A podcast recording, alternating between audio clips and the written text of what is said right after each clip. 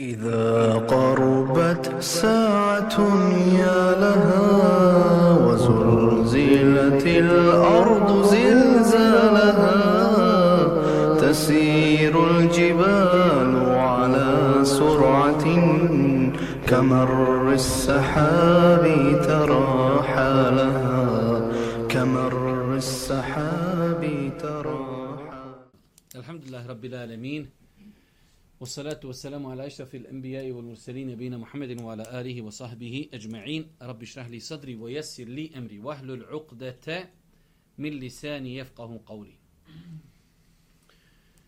Doista svaka zahvala pripada uzvišom Allahu te barakve tala, salavat, mir i selam na Allahog poslanika, Allahog milenika Muhammeda, alihi salatu, vas nam njegovu častnu porodcu, zove te asave i sve ljudi koji sjedi put istinu su njega dana. Evo napokon, dođo smo do zadnjeg našeg predavanja, u komentaru knjige Vjerovanje u sudnji dan autora Alija Sallabija.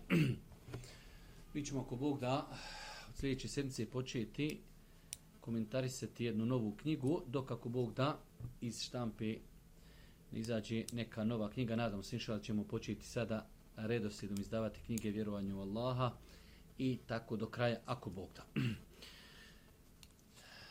Prošli put, zadnju stvar koju smo govorili, jeste da smo govorili o dijelima koja radi meleci, a koja se ne vezuju za ljude. I rekli smo da je autor na jedan školski način lijepo to podijelio, da je govorio o dijelima za koja su zaduženi meleki, a koja se vezuju za ljude.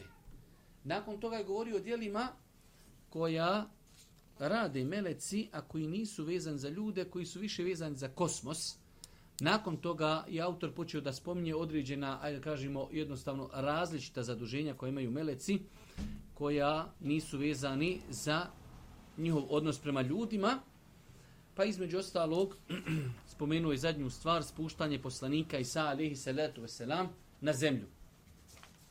Nakon toga kaže nadkrivljavanje šehida.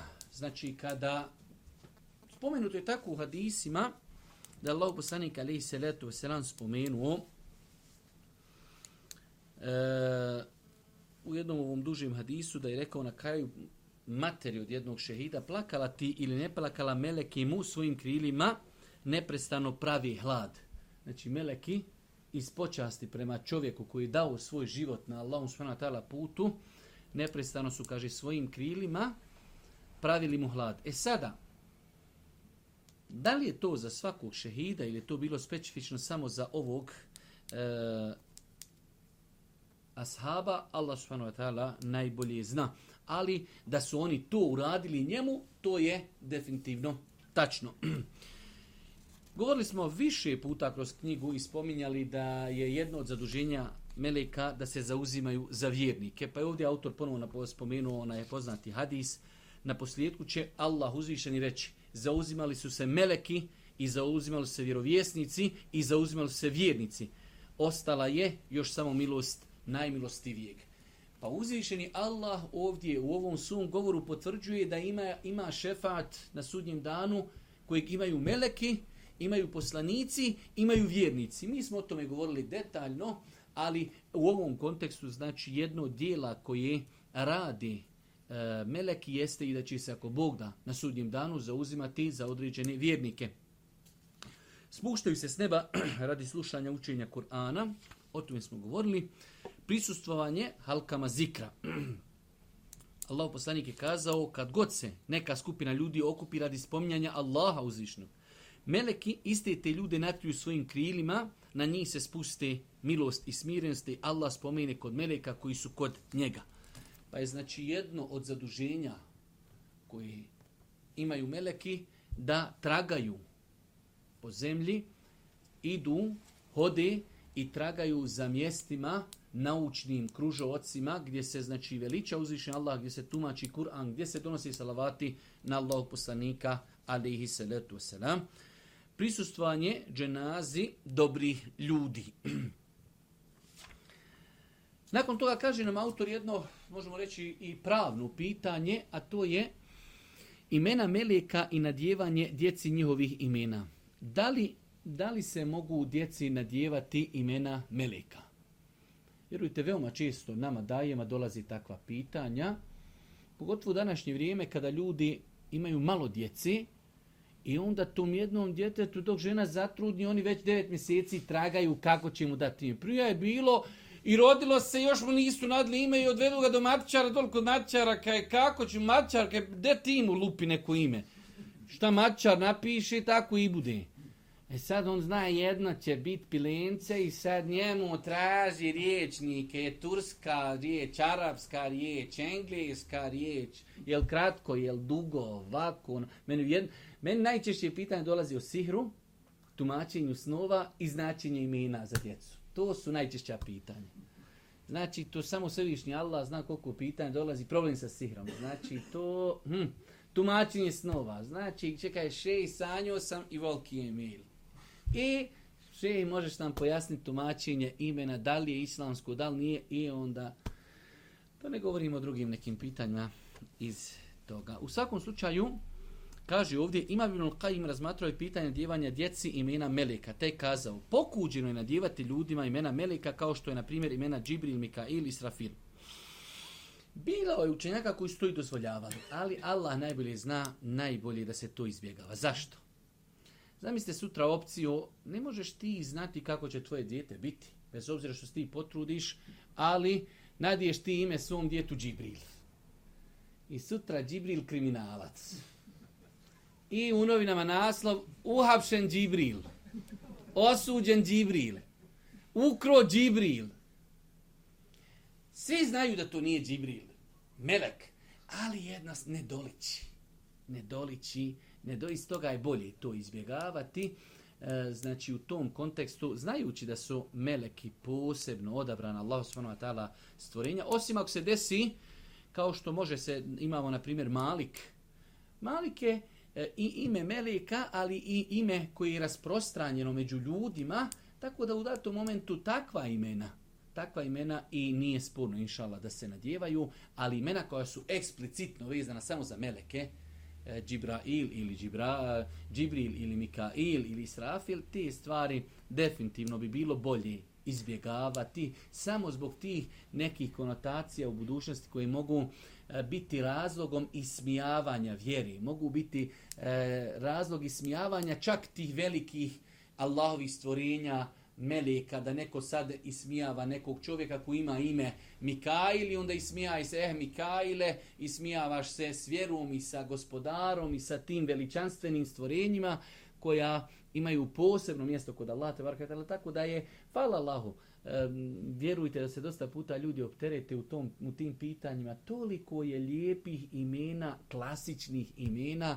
koja mogu u datom momentu biti i, da kažemo, i modirna. Ali eto, ljudi sada, znači, od toliko imena ashaba, od toliko imena e, tabiina, od toliko imena naših djedova, od toliko imena učenjaka, od toliko imena pobožnjaka, od toliko imena uh, halifa pravednih, toliko imena e, muđahida, historijski ljudi, i onda ljudi se uhvate za neka imena, ne znaš kad sutra, ne znaš to djete, ni kako ga zovno, ni vikno, ni ko je jadno, ni šta je, je li muslima, nije. Ti kad kažeš čovjeku Mustafa, kad mu kažeš Sulejman, kad mu kažeš Jusuf, kad mu kažeš Davud, kad mu kažeš e, Ebu Bekr, Omer, nema tu nikakve, Ko li je? Ma musliman za sto spratova moraš odmah mu nazvat selam. Ke Leo, šta je Leo sad? Hej, more bi da mu je babo volio futbal, pa je on u tom nekom, jer to mi smo tako istorijski. Kad pra... Sad kad se napravila analiza u zadnjih 30 godina, kako idu filmovi, serije, futbal, tako idu imena. Vjerujte, znači sad kad bi neko napravio analizu od 90. do sad, znači i pravi analizu kada je koji futbaler bio poznat, koja je serija išla, tako se imena nadjevala. Tako. I političari, znači kako je koji političar bio popularan, kako nije, to je narod. To je narod. Nakon toga kaže autor pije šesta glava knjige Šeta nove spletke u vezi s vjerovanjem u Meleke. Znači, nakon što smo konstatirali, o tome cijelo vrijeme govorimo, i to je najbitnija stvar, jeste da je vjerovanje u Meleke sastavni dio imana. Ne može kazati, ja vjerujem u Allah, ne vjerujem u Meleke. Neispravno vjerovanje. Znači, vjerovanje u Meleke je sastavni dio vjerovanja u Allaha. Jer ako ti kažeš vjerujem u Allah, ne vjerujem u Meleke, dobro, kako je objava došla do ljudi osim putem Meleka? Pa je vjerovanje u Meleke sastavni dio u Allaha. Negirati postanje Meleka, odma si izbio jednu e, ciglu koja ne može nikako napraviti dobro. Kako su ljudi spoznali Boga, kako su spoznali poslanike, znači nemoguće. Pa je, e, eh, kad god je nešto bitno, i šetan tu buši i udara. Znači on neće se sad on igrati oko neki nebitni stvari. Pa ste vidjeli šta je šetan uradio šijama? Da je njih ubijedio da je psovate Bubekra i Omera din. Ali kažeš, vidi, on ju iznavede, kaj, aj, naravno, kaj se šiše i sad psuješ u Bekra i Omera i on sad to psuje, ali zna li grijeh je. Ne, on je njih toliko zamantu ko oni u Rus Turskoj što se okrijeću onim onaj, suknjama, e on je njih toliko zavrtio da oni psuju Ebu Bekra, Omera, a išu, i kaj to i badet, veličanstveni badet. Uff to je šek i moro na mašinu za mljevenje mesa probući. Jer ne mreš ti to sakar, to sad nekom dadneš kaj vidi. Haj ti suje bubekra i to je ibadet. Udavi se čovjek. I on to na mašinu za mljevenje mesa protira 3-4 puta. I kada dođeš u, u mjesec, kaj, može dva, tri puta samelimo. Da bude baš potanko. I on je to protirao 5-6 puta kroz mašinu i onda valjalo je to historijski kroz generacije gurat kroz neki perzijski uh, perzijski onaj pogled na planetu i da su oni došli na level da ti psuješ najbolje ljude u historiji čovečanstva. Jer Ebu Bekr je najbolji čovjek nakon poslanika ali se Haj dobro da čovjeka šeki iz zeznika, haj ga opsuje, ono, ali kaj su tak firula, pokaješ se Bogu. Ne, ne, i badet. Vrhunac i badeta. E, eh, Tako i ovdje šeitan napada ljude u datom momentu na vjerovanje u meleke. Napada šeitan, ljudi kod nas, 80% bošnjaka, kaj koji se otuda vratio? Znači, vrate, on, on je po kakvi meleci, kakvi poslane, on ne vjeruje ni u šta. Kakvi meleci, za njega su meleci viša matematika. Ali jedan od metoda gdje šeitan napada jeste i vjerovanje u meleke. Pa kaže auto prvo poglavlje, negiranje postanje meleka. Iblis veliki trud ulaži u to da ljude navede na negiranje postanje meleka. To je veoma važan cilj kojim stremi, u toliko važniji jer onaj ko negira postojanje melika, negira i postojanje objave, pa šta više negira i postojanje uzvišnog stvoritelja. Ako nema meleka, dobro, otkud vjera? Otkud poslanici? Ko je donosio? Od koga je donosio? Koga je zadužio? Nema meleka, srušio si i ono iznad meleka i ispod meleka. Pa je šeitan, znači, određenim ljudima pristupio, ne vidimo i nema i mi smo tako, ono, nama kad dođu te naše lude kad nas ponesu, mi što ne vidimo, nema, to ne postoji i ko je se vratio od tuda tam vam, struja kad ga zdrma nju ne vidi, ali se trese ko Banja Luka, da, je, znade on tada da ima struja, ali ne vidi je.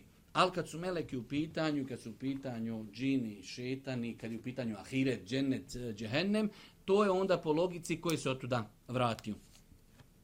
Jednu interesantnu uh, e, stvar, stvarno me je ovo danas fasciniralo. Kaže na 254. stranici pogrešno tumačenje izraza Melika.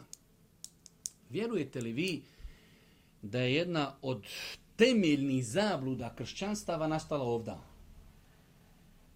Jeste li ikad vi razmišljali kad, kad kršćani kažu u ime oca, sina i duha.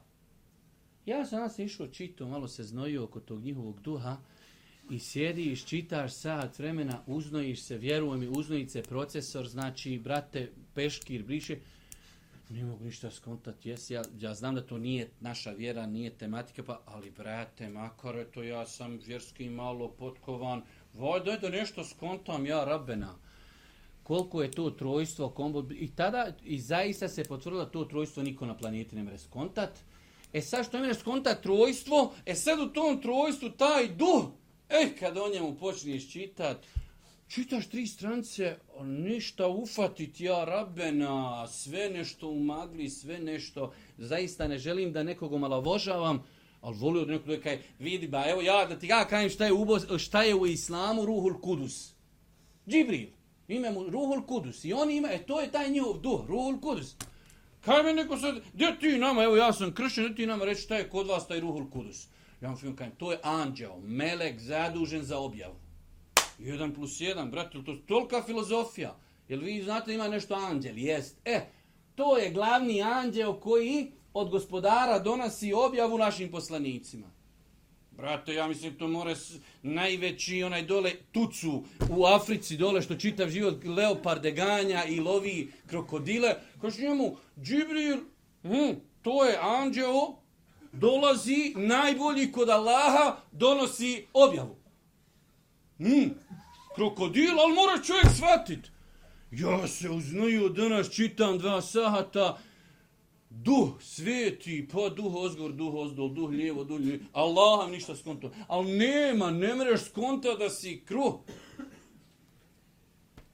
Eto, vjerujte da je znači jedna od najvećih e, problema u kršćanstvu trojstvo Ruhul Kudus. Što su pogrešno definisali ko je Ruhul Kudus, Džibri. To sam da su shvatili, ne bi imali problema da to moraju pisati oko toga 6 sati i da ne mraš ništa stvarno satiti. Pa kaže, pogrešno tumačenje izraza melek. Primjer za to jeste da su kršćani kazali da se ime Sveti Duh. Jer sjećate se kad smo mi govorili o Džibrilu alaihi selam da on ima više imena. Ruhul Kudus, Ruhul Emin e, el, e, i tako dalje. E ovdje kaže to njegovo ime Sveti Duh, Ruhul Kudus koje je potvrđeno islamom. Oni su tu baš pogriješili. Kaže, primjer za to jeste da su kršćani kazali da se e, ime, svijet i duh odnosi na Allahov život. Kršćani su naime i sa, i sa ove, ali i sa ratu je sam riječi protumačili u suprotnosti s onim što je on njima htio kazati u suprotnosti sa značenjem kojima su ih upotrijebili oni. Dru, on, drugi poslanici, drugi narodi. Generalno, znači, oni su od tog ruhul kudusa napravili ili božanstvo, ili su napravili Allahovo svojstvo a ni jedno ni drugo ruhul kudus je Džibril alihi salatu wasalam, koji je najodabrani melek i jedno od njegovih najvećih zadrženja jeste dostavljanje objavi. Jednostavno, Allah mi 1 plus 1, 2. Anđeo zadužen da dostavlja poslanicima objavu od gospodara najodabrani melek. Sva filozofija stani u dvije prošireni rečence i može i svatit indijanac, marokanac, i Kinez i Japanac. E, nakon toga kaže autor drugo poglavlje obožavanje i svetkovanje Melika. E sada, kroz historiju, bilo je ljudi koje je šetan odveo u tom pravcu da im se šetan ukazivao na različite načine predstavljajući im se da, da je on melek i da treba da njemu robuju. Pa su ljudi kroz historiju znali nekada otići u pravcu i da meleke da meleke obožavaju, što je opet neispravno, mi smo rekli, uz svo naše uvažavanje melika i poštovanje i ljubav i njihov stepin kod Allaha zato što su nepogrešivi, zato što su apsolutno pokorni Allahu, to je sve posebna deređa, ali oni bez Allaha ništa ne mogu. Zato je tamo došlo kada Allah Đelšanu govori o Isao, ali i Selatu Isao, kaže, pa oživljavao je bi izni sa Allahovom dozvolom. Radio je to sa Allahovom dozvolom. E tako i meleki. Sve je sa Allahom, subhanu wa ta'ala, dozvolom i nemaju pri sebi nikakvih božanskih svojstava. Znači, čak šta više, pokorni Allahu, apso, apsolutno. Znači, stvoreni su da robuju uzvišom Allahu, subhanu wa ta'ala, i e, to je rezime, hajde da kažemo svega ovoga u ovom drugom poglavnju 259. stranici. Kaže autor onim ljudima koji Iblis nije mogao nalaziti da negiraju postavljanje Meleka, pristupio je sa sasvim drugi način, naveo je da Meleke obožavaju i svetkuju. Znači jedne ljude nagovara da ih negiraju, nema, ne postoji. E ima sad drugi ljudi, kažu postoje, dobro, e sad će njima pro, proći i zavodi iz druge strane, ali da od njih napravi božanstva i da se njima ibadeti čini. Nakon toga, kaže autor sedma glava, odlikovanje meleka nad ljudima. Jedno interesantno pitanje, iako vidjet ćete na kraju, je autor ipak to spomenuo kao m, mm, naučna odgovornost, da to pitanje ne nosi neke bitne posljedice. Ali interesantno da je ulema govorila o tome ko je bolji. Allahovi pokorni robovi, prvenstveno poslanici, ili su meleki bolji. Pogledajte, za mene je to stvarno fascinantno da neko smije ući u takvu temu, analizirat meleki koji su Allahova nepogrešiva stvorenja, Imamo ljude koji, ali s druge strane, oni u osnovi su nepogrešivi jer nemaju strasti, nema izazova, nema šetan do šaptava za razliku od čovjeka koji kada je pokoran, on je se dobro suprostavio i strastima i izazovima.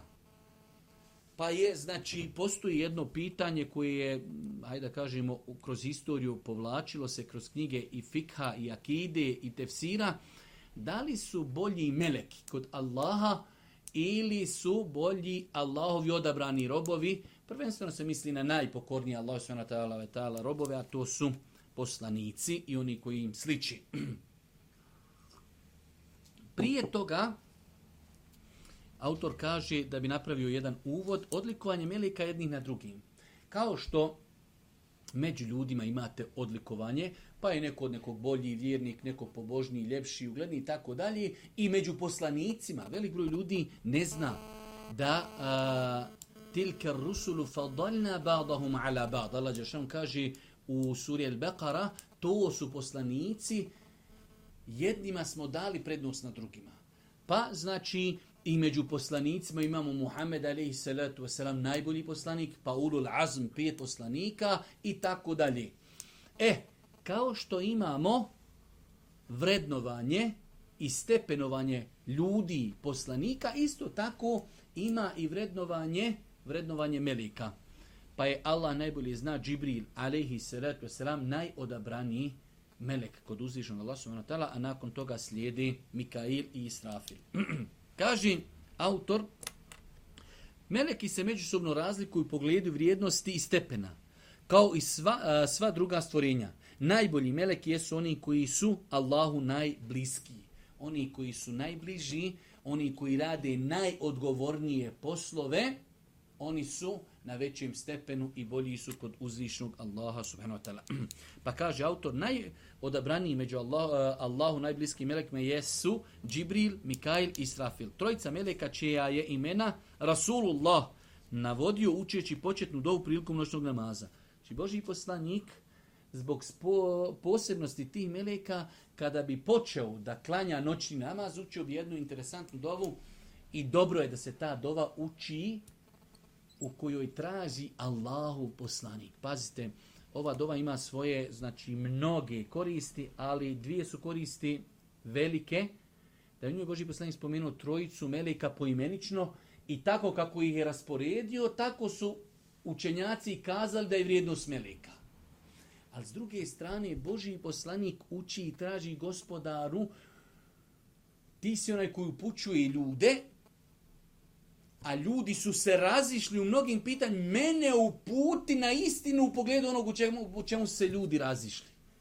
Mnogo je bitno danas, u, po, u vremenima smutnji, izazova, e, pa izazova prvo na svjetskoj sceni, pa onda izazova među muslimanima, među muslimanska podijeljenost, među nacionalna podijeljenost, mnogo je bitno da čovjek u to vrijeme vezuje srce za Allaha i da od njega, jer on je taj koji čovjeku može otvoriti vidike i puteve istine, da njega moli gospodaru, podari mi u ovim teškim vremenima znanja, mudrosti, upute, da vidim gdje je istina. Jer vidjeli ste malo prije smo spomenuli Dalale, Trafidi, Ašija, da tolika im je koprena prednja psuju ashave Božijeg poslanika, ali se smatriš da je to i badet.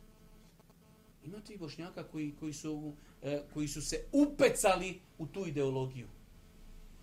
Imate bošnjaka koji su upecali u ideologiju tekfira, koji samo po cijeli dan sjedi i prebrojava muslimane i stjerava iz islama. Nik ništa ne miče, da on sad neko, pa da makar nekog zovri da uđe. Ne, ne, ne, naše je rešeta. Mi samo ima, i svaki dan malo smanjimo, jer znate kako imate na rešeta sa većim kotkicama, ide manja. I e sad danas stavimo četvorku, pro, pro malo prorešetamo, dobro što ispadne i pošutamo nogama, sutra idemo na tricu.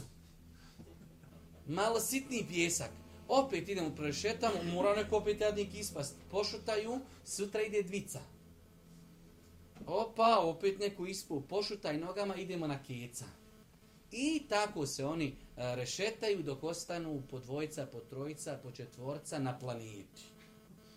Po dvojica, trojica će na, na planeti. Kako se desilo, e, navedena je ta predaja u knjigama Akide, kad su dvojica Haridžija sjedila i razgovar kaže ovaj jedan drugom Subhanallah, koja je veli Allahova milost prema nama, da je mene i tebe samo odabrali smo na planeti muslimani. To, to nije kic, ova sad mrežica. To je, brate, moj skućeno, skru, ispali svi njih dvojica gore, ostali u rešetu, igraju oni hokej na ledu, jer oni su sad to poplaćali da ne bi oni propali. I Allah ovom jednom otvori tada, skru, nema moguće, Roki, sam ja ti na planeti, brate, ma da lalet je to čuju istog, zapad, Amerika, Australija, islamski umet, Turska, ja i ti sad jedini, Allah nas počastio. Allah, imate ljudi takvi. Kaže, ima nas trojica ovdje u ovom selu, ima dvojica tamo u, u Južnoj Koreji, jedan ima dole isto, malo dole niže, neđe ispod Afganistana, u Pakistanu, eto, to je naše storca na planeti. Alan, koji je to da lalati zapad? to treba molit Boga, ja rab spasi me toga, ja rab spasi me ovi zabludjeli šija, ja rab spasi me u tim pitanj gdje se ljudi razilazi, daj mi basire, daj mi, daj mi kudreta, snage, mudrosti, bogobojaznosti, da ne upadnem u tu neku spletku.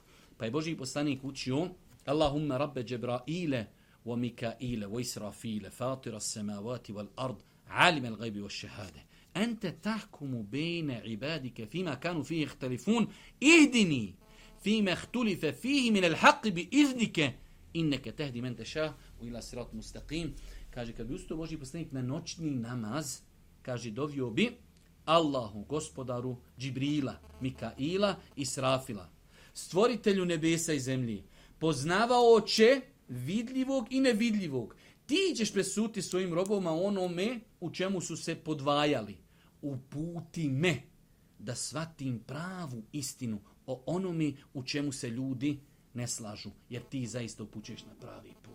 Dova koju čovjek treba, ako ne zna na, bos, na arapskom, na bos, ja, rab, ljudi se razilazi, učvrsti mene na istini, pokaži mi istinu istinom i olakšaj mi da je slijedim i pokaži mi neistinu neistinom. Danas koliko god je bitno dovit, pokaži mi istinu istinom, Znači imate četiri stepena. Pokaž mi istinu istinom i šta? Olakšaj mi njeno slijed. Imaš ljudi zna istinu. Ali kaj, ne mare, to je Bosna, ne mare, to u Bosni, to je sam zarabski svijet. Zna čovjek istinu, ali ne slijedi.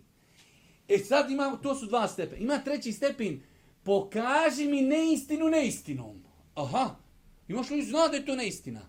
Ali kaj, olakšaj mi njeno ostavljanje su četiri mnogo bitne stvari za danas, za današnje vrijeme.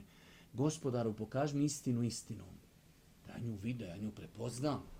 Da mi nije mu, pa šta, ne znam nešto mi, nešto mi dimno. Ne, ne, vidim da je to istina. Ali nakon toga kad je vidim, prepoznam, spoznam, lakše mi da i slijedim, da i volim, da hoću, da žudim. Kaži nakon toga, i pokaži mi neistinu neistinom mnogo bitno da ti Allah kažeš, ma ja vidim ovo, ovo ko, ko ova dvojica kad sjedli, kaže nas dvojica. Nemoj. Pokaži mi neistinu, neistinu. I olakšaj mi, daj mi snage, kuveta mome srcu da to ostavim. Jer vjerujte, znate koliko ljudi čovjek vidi i kroz život zna me, kaj ne mogu. Nakon, iako ne volim te stvari, neka, neki dan se javio jedna osoba, anonimno, inša Allah. Kada sam odrastao u poroci, gdje me roditelji kao dijete non stop govorili da klanjam. A meni, kaže, bilo mrsko, brate, mrsko do, do bola. Ja, kaže, odem u WC, sjedim, kaže, na šolji, igram se igrica, tamo vamo, pustim vodu, pusti vodu za ono, ha, i pustim odvrnim vodu, ko voda tamo, ko ja abdestim, a nije ja, kaže, sjedim, igram igrica. Lik iskren, I kad ja odem i kad onako stojim, ono, razgledam, brojim, zvrćim, brojim muhe po kući, ono da me vidi da sam otklanio, ma ja ni šta sam učio, nisam bez abdesta, sam nako, kip. E, kaže, ja sam saskom, to, to nije dobro. Ali ja bi sad tako klanio, ne mogu. Neće srce. Allah mu zapečetio srce. Allah.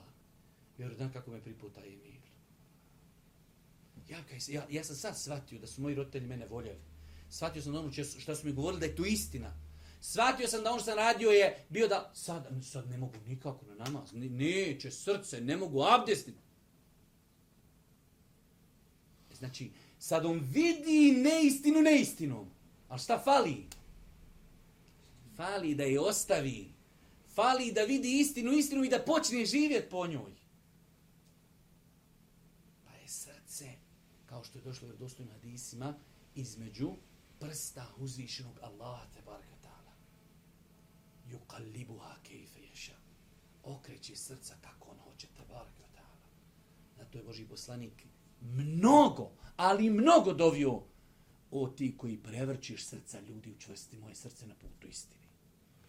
Pa je znači, vraćamo se ovdje ovoj dovi, u kojoj je poslanik rekao gospodaru, Koga? Džibrila, Mikaila i Srafila. Zato su rekli učenjaci, ovo su tri najbolja meleka, jer je njih poslanik spomenuo samo u ovoj dovi i onako kako je spomenuo, to je njihov redoslijed njihove vrijednosti.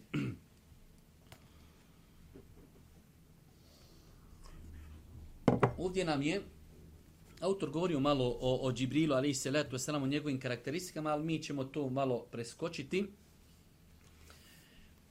karakteristika plemenitosti Džibrila alihi salatu wasalam, karakteristika da je ogromni snage, i prošli smo put govorili kolika je ogromna snaga Džibrila alihi salatu wasalam, da je lutov narod alihi salatu wasalam, to su bile kao dvi, pet sela, pet pokrajina, da ih je uzeo čoškom svoga krila i podigao ih do nebesa, do te mjere da su e, znači stanovnici nebesa čuli pjetlove kako kukuriću i onda ih pustio ozgur. Znači, kao što su se oni okrenuli svoju prirodu, kako ih Allah stvorio, da muško e, žudi za ženom, oni su muškarci žudi za muškarcima, e tako i Allah i kaznio. Nije kaznio potopom, nije kaznio e, nekim zastrašujućim glasom, ne. Kao što ste se vi izopačili i naopako, e sad ćemo vas uništiti naopako. Ali snaga Džibrila da je čoškom krila uzeo pet pokrajina – i da je to podigo i da je onda okrenuo i da je to se pustio naopako. Od karakteristika Džibrila jeste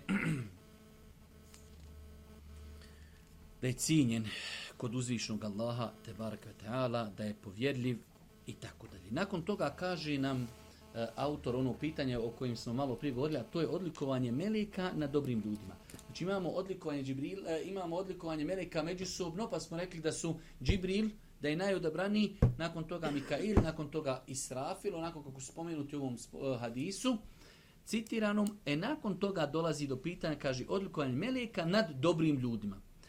Kaže autor, jesu li u Allaha plemenitog volji meleki ili dobri ljudi, pitanje u pogledu kojeg islamski učenjaci ne imaju istovjetan stav. Učinjaci su svoj stav dokazivali vjerskim tekstovima.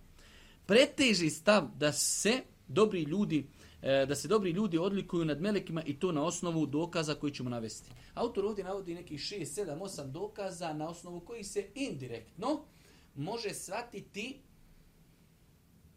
sad se pitanje mora dobro razumijeti, e, po završnici ljudi su kod Allaha bolji, dobri ljudi, poslanici su kod Allaha bolji nego meleki. Jer meleki u osnovi Allah je tako stvorio i nemaju nikakve borbe sa strastima.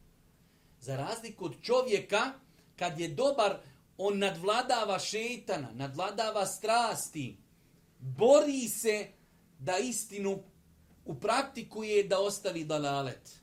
I zbog toga nimate nigdje da će Allah Đelšanu nagraditi meleke, a nagradit će ljude. Pa su na osnovu određenih argumenta, to koje ćemo sada nabrzinu spomenuti, e, učenjaci kazali da su uh, E, dobri ljudi, prvenstveno poslanici, oni koji su njima slični, da su kod Allaha na boljem stepenu od melika. Po završnici. Šta znači po završnici? Po onome kako će ih nagraditi. Dok u toku njihovog života meleki su apsolutno bolji, zato što meleki ne griješe nikako, a mi griješimo. U tom kontekstu oni su bolji od nas. Ali po završnici ljudi su bolji, dobri ljudi definitivno. Pa kaži, Eh, Ebu Jala je zabilježio svojim lancem prenosilaca u dijelu Tefsir da je Abdullah ibn Selam radijallahu ta'ala rekao ne postoji stvorenje koje je Allahu draži od poslanika Muhammeda alaihi salatu wasalam. Či znači, generalno najdraži stvorenje Allahu ta'ala je Muhammed. Samim tim znači on je vredniji i bolji od ostalih melika. Kaže drugi dokaz, svevišnji Allah rekao je da je Iblis kazao reci mi evo onoga koga si iznad mene uzdigao Iblisiju je naređeno da se pokloni Ademu. Vi znate da je e, znači Iblisu naređeno i e, da, da uradi sež do Ademu, pa je on odbio. A sam Iblis kaže, to je onaj kojeg si uzdigao iznad mene. To je onaj kojeg si uzdigao iznad mene. U svakom slučaju, kaže autor nakon devet dokaza, u vezi s pitanjem koji razmatramo kao rezime, možemo kazati da uh, to da su dobri ljudi, vjernici, bolji i vredniji od meleka u odnosu na završetak i kraj svega. Ali u zadnjoj rečenci kaže neposlijedku. Raspravljanje o tome jesu li u Allaha vredniji i bolji meleki ili vjernici besprotebno je pitanje koje čovjek ne mora ni znati ni shvatiti. Nije to neko pitanje koji nam je bilo kažeš vidi ako ovo ne znaš, nije ispravan tvoj iman u meleke. To je jedno sporedno pitanje, ne postoji neki apsolutno jasni argumenti koji ukazuju na nešto, ali eto, velika većina učenjaka je smatrala da, znači, e, zbog toga što se čovjek suprostavlja strastima, što se suprostavlja šetanskim prohtjevima, što se bori da bi istinu uprakticirao, u tom kontekstu on je vredniji ako bude dobar kod Allaha nego mele koji je Allah stvorio da bude apsolutno pokoran. Nakon toga nam kaže autor je dvije znači cijeline. Prva, treći poglavlje prava meleka kod ljudi i plodovi vjerovanja u meleke. Time ćemo oko Bog da i završiti večerašnje predavanje i ovu knjigu. Definitivno ova knjiga je možda jedna i od najljepših i najkorisnijih knjiga napisanih ili prevedenih na bosanski jezik koji govori o vjerovanju Meleke. I evo mi smo, hvala uzvišom Allahu, i trudili se uh, da pređemo preko najosnovnijih pitanja iz ove knjige, da ih malo pojasnimo, da ih malo e, detaljišimo. Pa kaže, prva stvar, prava melika kod ljudi. Kakva prava imaju meleki kod nas? Odnosno, možemo kazati drugim riječima, naše obaveze prema melekima. Pa kaže, prva stvar, vjerovanje. Vjerovanje u meleke drugi je temelj imana bez kojeg čovjek ne može biti musliman. Ovdje želimo kazati to da svevišnji Allah stavio, da je stavio ljudima u obavezu vjerovanje u postojanje meleka i tom vjerovanju dao status temelja za kojeg će čovjek na sudnjem danu polagati račun. Sve što čovjek više zna o melekima, sve snažnije u njih vjeruje. E ovo je jedna veoma bitna stvar. Što više znaš, vidjet ćete čak poslije e, određene koristi koje, koje insan, kad ti spoznaš da meleki upravljaju i određene stvari rade u kosmosu, spoznaješ kosmos, dobivaš odgovore na mnoga pitanja koja su ti bila nejasna, tada znači što imaš više znanja, čvršće vjeruješ. Za razpoj čovjeka koji kaže, pa eto, mi smo tako naučili, vjeruje se u meleke, imaju meleki i to je to. Ali kada ti to detalj, i dokaze, i dijela, i imena, i šta radi, i njihove svojstva, osobine, to apsolutno, apsolutno jača čovjekov, jača apsolutno čovjekovim, pa kaže sve što čovjek žiže zna o melekima, sve snažnije u njih vjeruje. Tako je, jer to uključuje vjerovanje u sve ono što je Allah rekao u melekima, kao što uključuje vjerovanje u sve ono što su meleki kazali, o, o što su melekima kazali poslanici. Dobro, druga stvar, znači pravo melika ili naša obaveza prema njima jeste sustezanje činjenja griha. Nevjero, e, nevjerovanje, činjenje širka i grijeha u najvećoj mjeri uznemiruje meleke. Kada insan radi grijehe, na taj način on uznemirava i meleke, jer su meleki ne pogrešiva Allah subhanahu wa ta'ala stvorenja i uznemira. Voli onoga ko voli Allaha, voli one koji su pokorni, ne voli, rekli smo, one koji ne vjeruju i oni koji su nepokorni. Samim tim njih uznemirava činjenje griha. E, treća stvar od prava Melika kod nas jeste da se sustignemo od, ona, od onoga što je potvrđeno hadisima da njih uznemirava jer nam je došlo određenim e, vjerodostojnim predajama da određeni stvari uznemiravaju meleke. E sada ima neko uznemiravanje koji na većem stepenu i levelu, a ima neka koja su uznemiravanja, možemo i razvati pokuđena, koji čovjek uradi nije griješan, ali se treba truti da ih što više izbacuje i umanjuje kako ne bi s time o, uznemiravao meleke. Pa kaže autor, Allahu poslanik, odvraćao je ljude u činjenje svega onoga što me, e, smeta melekima. Tu su i hadisi u kojima se kaže da meleki ne ulaze u kuću u kojoj se nalazi nešto što im smeta. Znači, mi smo rekli da imamo dvije vrste meleka. Imamo meleke koji neprestano boravi pored čovjeka, zapisuju njegova dobra i loša djela. I oni su s čovjeku neprestano. Ali imamo meleke rahmeta, milosti, blagoslova, beričeta, dovi, koji u datom momentu, e, ako su uz insana, podstiću insana na hajr, što je mnogo bitno, i čuvaju ga od zla. E sad ti meleci, nama je u interesu da budu u našoj blizini. Obrnuto, nama je u interesu da spriječimo bilo šta što će njih odaljavati od nas. Pa kaže ovdje autor, tu su i hadisi u kojima se kaže da meleki ne ulazi u kuću u kojoj se nalazi nešto što im smeta. Kako sebi ne bi uskratio dobro koje donosi pristo meleka, čovjek se neizustavno treba sustezati od svega onoga što im smeta. Danas imate, vjerujte, ja o tome nekad govorim kroz šalu, nekada kroz e, postove, nekad kroz predavanja, ali danas imate ljudi, e, čovjek ne klanja, ne posti, e, ne uči Kur'an, kuća prepuna slika, kipova, muzika, duhan, alkohol, nargila i onda zove še, tresem se, strah me, ne znam šta ću, usnu, mrdam nogom, e, srce mi kuca. Brate, ti si dobar, Allaha mi. To kod tebe ti je sine tu rasadnik za šekije. Znači oni tu dolaze na ljetovanje, ne um. To znači kod tebe, on tu dođu, plivaju u rahatlukim čoveče. Oni to vole dim, to vole nargilu, to vole alku, slike, vole. To, su, to, to ti je kod pansijom, brate, uživaju tu kod tebe.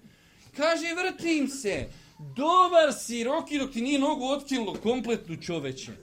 Moraš oda sa njom. Ma zlatan si, Allaha mi. A znate koliko u meni pitanja dolazi na ovaj kalup? brate, ti si napravio rasadnik, ti si njima napravio hotel sa 18 zvijezdica. S 18 zvijezdica, to je, kod je to, to su posteljine, to njima miriše čoveče. To što nama smrdi, to je njima, to je njima znači uživancija.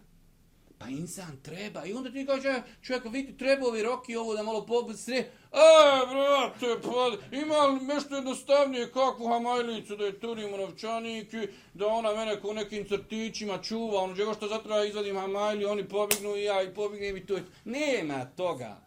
To je Allahom izmišljeno.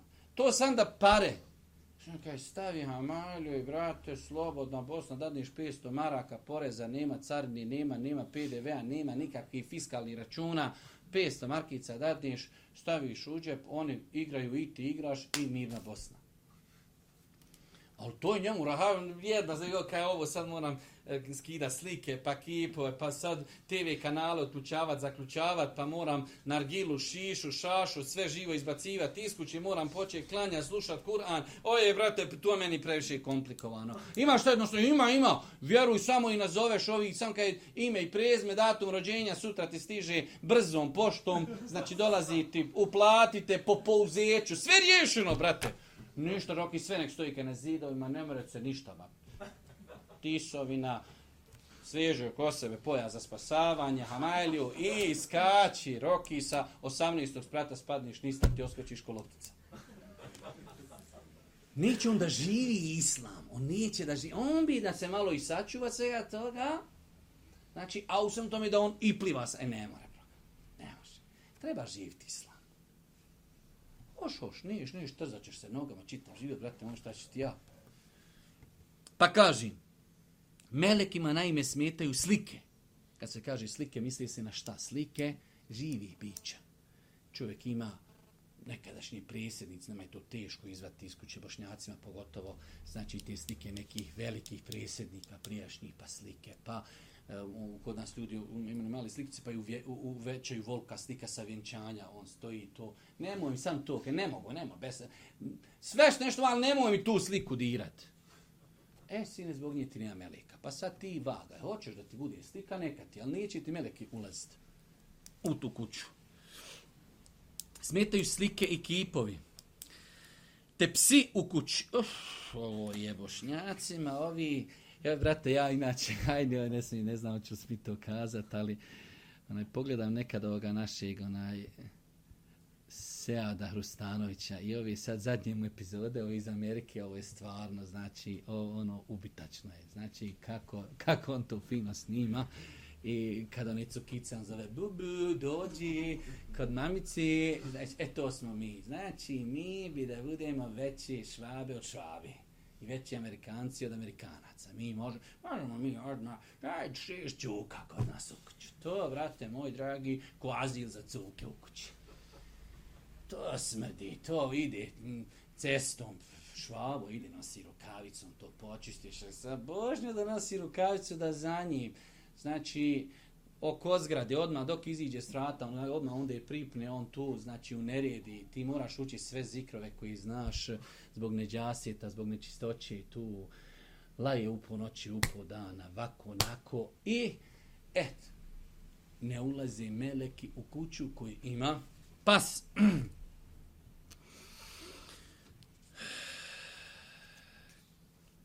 Isto tako, vješanje zvona na životinje smeta im to da čovjek uobičava ne kupati se od jutra nakon spolnog akta. Znači, došlo je do svojim hadisima da Allah poslanik Ali Sarcan kaže Felafetun la yakrabuhumul melaike trojica ili tri osobe ne približavaju im se meleki. Pa je spomenuo džunup osobu, spomenuo je pijanca. Pijanu osobu, I ovdje kaže smeta im tu da čovjek uobičava ne kupaci se od jutra nakon spolnog akta. Melekima smeta i tu da čovjek miriše mirisom od šafrana, koji je ženski miris. Znači imate e, kod Arapa jedan specifičan miru, miris, e, Boži poslanik je spomenuo među tri ove osobe, da se čovjek muškarac namiriše ženskim mirisom, koji je specifično e, ženski miris, e tako i se osobi, kaže, ne, pri, ne približavaju. Meleci, rekli smo, treća osoba koji nije spomenuo autor, a u hadisu je spomenuta, jeste pjanica, notorna pjanica. Isto tako spomenuo je autor ovdje hadise u kojima se spominje da e, meleki, melekima smeta, e, možemo reći miris ili već kako, onaj bijelog i crvenog luka. Gori od toga, definitivno gori od toga, a to znaju nepušači, jeste smrad, smrad duhana. Čovjek nekada lajem, staneš u džami i kažeš Allahu ekber do tebe neko stane, ti ne znaš više šta klanjaš. Znači, jednostavno tri čovjeka gore i tri čovjeka dole, znači to toliko za udara da čovjek ne zna šta klanja. Takvi stvari treba svakako izbjegavati. E, od naših prava i obaveza prema melekima jeste iskazivanje ljubavi prema melekima i isticanje njihovih vrlina. Znači, čovjek govori o melekima pozitivno, da ih spominje po hajru, da podučava e, ljude e, vjerovanju u meleke. Čovjekova se ljubav i poštivanje meleka povećavaju s razmjerno razmišljanju o dobrim dijelima koja oni čini. Kada čovjek zna kakva dijela meleki radi, šta, se, šta je rezultat tom je, povećava se ljubav čovjekova prema melekima.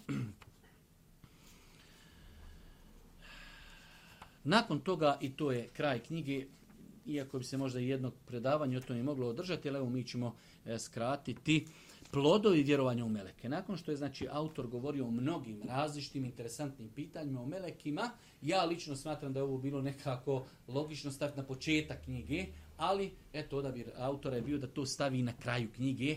Znači kada insan vjeruje u meleke, kakve plodove dunjalučko ahiretske on će dobiti zbog ispravnog sveobuhvatnog vjerovanja u meleke. Pa kaži, prva stvar, Kaže, autor, vjerovanje u meleke donosi određene plodove koje musliman osjeti u životu na ovom svijetu. Navešćemo neke. Znači, kad čovjek ispravno vjeruje u meleke, osjeti će određene plodove. Jačanje svijesti o Allahovoj veličini. I mi smo dosta puta kroz ova naša predavanja ciljano željeli da istaknemo tu dimenziju kada govorimo o veličini meleka, da uvijek na kraju toga kažemo, a, koliki je onaj koji je stvorio tako veličanstvene i velike tako veličanstvene i velike meleke.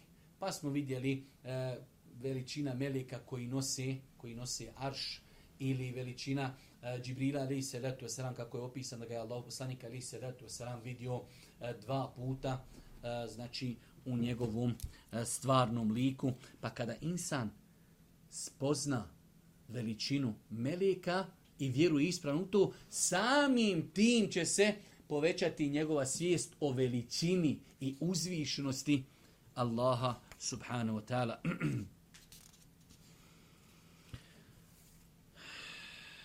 Nakon toga, rekli smo starivanje imana od koristi vjerovanja u melek jeste na taj način čovjek ostvaruje ono što mu je naređeno. Postiže, upotpunjuje, jer rekli smo, nevjerovanje u meleke je nevjerovanje u Allaha. Pa vjerovanjem u Allaha čovjek ostvaruje vjerovanje. Kaže, Allah poslanik je rekao, iman je da vjeruješ u Allaha, njegove meleke, u njegove poslanike, sudnji dan, da vjeruješ u određenje dobra i zla. Iman je. Iman je da vjeruješ u ove stvari. Ako nema jedne od ovih stvari, onda nema i imana. Ko vjeruje u meleke, ostvario je vjerovanje u drugi imanski temelj, pored ostalih temelja u koje mora vjerovati. Onaj ko u meleke ne vjeruje, taj ne vjeruje ni u Allaha uzvišnog, niti u drugi imanski temelje. Jer, a kažeš ne vjeruješ u meleke, kako ću vjerovati u poslanike? Jer rekli smo, veza između gospodara i poslanika su meleke. Pa ako ne vjeruje čovjek u meleke, onda je logično da ne vjeruje i u poslanike. spoznaje brojnih tajni u pogledu svemira i stvorenja što povećava iman. O tome smo malo prije govorili. Vidjeli ste kada smo govorili e, melek zadužen za planine, melek zadužen za kišu. Kada insan te stvari, vidjeli ste kada smo govorili o tome e, da su meleki zaduženi za gonjenje oblaka, pa e, zvuk, zvuk grmljavini, sjevanja, sve ima veze sa melekima onda insan dobiva određene odgovore koji se dešavaju oko insana, vjerujući, vjerujući ispravno u meleke. Kaže, čovjek će saznati brojne tajne svemira ukoliko pažljivo razmisli o ajetima o kojima svevišnji Allah govori o melekima i zaduženjama kojima je zadužio meleke. Postizanje sigurnosti i smirenosti. Sigurnost i smirenost na ovom te ugodan život na onom i budućem svijetu zavisi od vjerovanja u temelje imana, a jedan od tih temelja jeste i vjerovanje u meleke. Onaj ko istinski vjeruje u meleke posti, e, će da postigne sigurnost i smira još na ovom svijetu. Osjeti to, pa ga meleke Allahom volju čuvaju od ružne sudbine i od svih neprijatelja. Mi smo o tome govorili, da imaju meleki koji su zaduženi da čovjeka podstiću na dobro i imaju meleki koji čovjeka čuvaju od određenih stvari. Svakako u svemu tome opet ima kader, ono što će čovjeka zadesiti, zadesiti. Ali imaju stvari od kojih meleki sačuvaju čovjeka, a koje su trebale da zadese čovjeka, stvari koje e, su loše, musibeti, nedaće i tako dalje. Svijest o važnom čovjekovom položaju u svemiru. Vidite kakve koristi čovjek dobiva vjerovanjem u meleke. E, melekima koji su snažni od nas i duhovno stabilni, naređeno je da padaju ničice pred Ademom, ali i selam, i podređeni su kako bi nam služili u ovozemaljskom životu kao i na hiretu. To je dovoljno kao pokazatelj da čovjek koga je gospodar odredio za namjesnika na zemlji spozna svoju vrijednost i veličinu te da se u skladu s tim i ponaša pa da ide pravim putem, a susteže se od stramputici. Kad spoznaš mjesto koje ti je Allah dao u svemiru, u kosmosu, samim tim nećeš sebi dopustiti. Pazi, Allah naredio melekima da urade sež do Ademu. Ti si Ademov potomak. Insan koji ispravno vjeruje u meleke, vjeruje da je Allah ga učinio odlikovo nad melecima, neće sebi, sebi dopustiti određene grijehe, propuste i smijavanja i tako dalje. Slijedjenje primjera meleka u pogledu činjenja dobrih djela i sustizanju zla. Ako su meleci i ako su toliko veliki, sačuvani od bilo kakvih grijeha, toliko Allahu pokorni, zar mi, kada čitamo melekima, neće to u nama probuditi i želju i htjenje da i mi budemo Allahu te baraka pokorni i zahvalni na onome što nam je dao Stid od gospodara i susvjezanje od javnog i tajnog griješenja. Čovjek koji vjeruje da se melek nalazi s njim, da bilježi sve što radi, da ga ne napušta ni onda kada zapadne u nemar, da ga prati na putovanju i da su s njime, kada nije na putu, neće se olako upustiti učinjeni grijeha onoga što ne valja. Znači imamo nekoliko stvari koje čovjeka sprečava da čini grijehe. Jedna je stid od nevijeka. Ja sam to nekad davno znao upoređivati. Zamisli sad, negdje si sam, i pored tebe je neki tvoj autoritet. Da li ti je otac, mati, mm, možda nećemo reći evo, ne, autoritet, ali neko ko ti je bitan, supruga, muž pored ženi, da li bi čovjek sad pred svojim ocem, znači uzme i upali i gleda porno. Ili pred svojim šejem, kaže, evo sad nam ja, ovaj, ima ovaj kanal, znaš šta je, stvarno, vrh je, nema, nema. Znači, ne nose na sebi ništa. Ko, ko rođena djeca, nema šta. Gde si, saš vidi, svi će se sto posto. Ne bi to, e, zašto? Da pa ne bi to niko uradio, zato što to je tvoj autoritet, vidi on to, zna on to onda o tebi. E sad, ako vjeruješ da tu melek imaju i to zapisuju, ako si čvrstog vjerovanja, čvrstog, nećeš to uraditi, makar ne bilo nikog pored tebe jer znaš da oni to vide. Ko što, ko što je Boži poslanik kazao, stidim se, stidim se Osmana jer se njega stide meleki. Isto tako, nepostojanje osjećaja usamljenosti, e, usamljenosti i nepreda, e, nepredavanje očaju čovjek rekli smo, bez obzira šta da ga zadesi, opet ako zna da je pokuran Allahu, opet zna da pored njega imaju meleki koji ga podstiču, koji ga čuvaju, potpomažu na putu istini.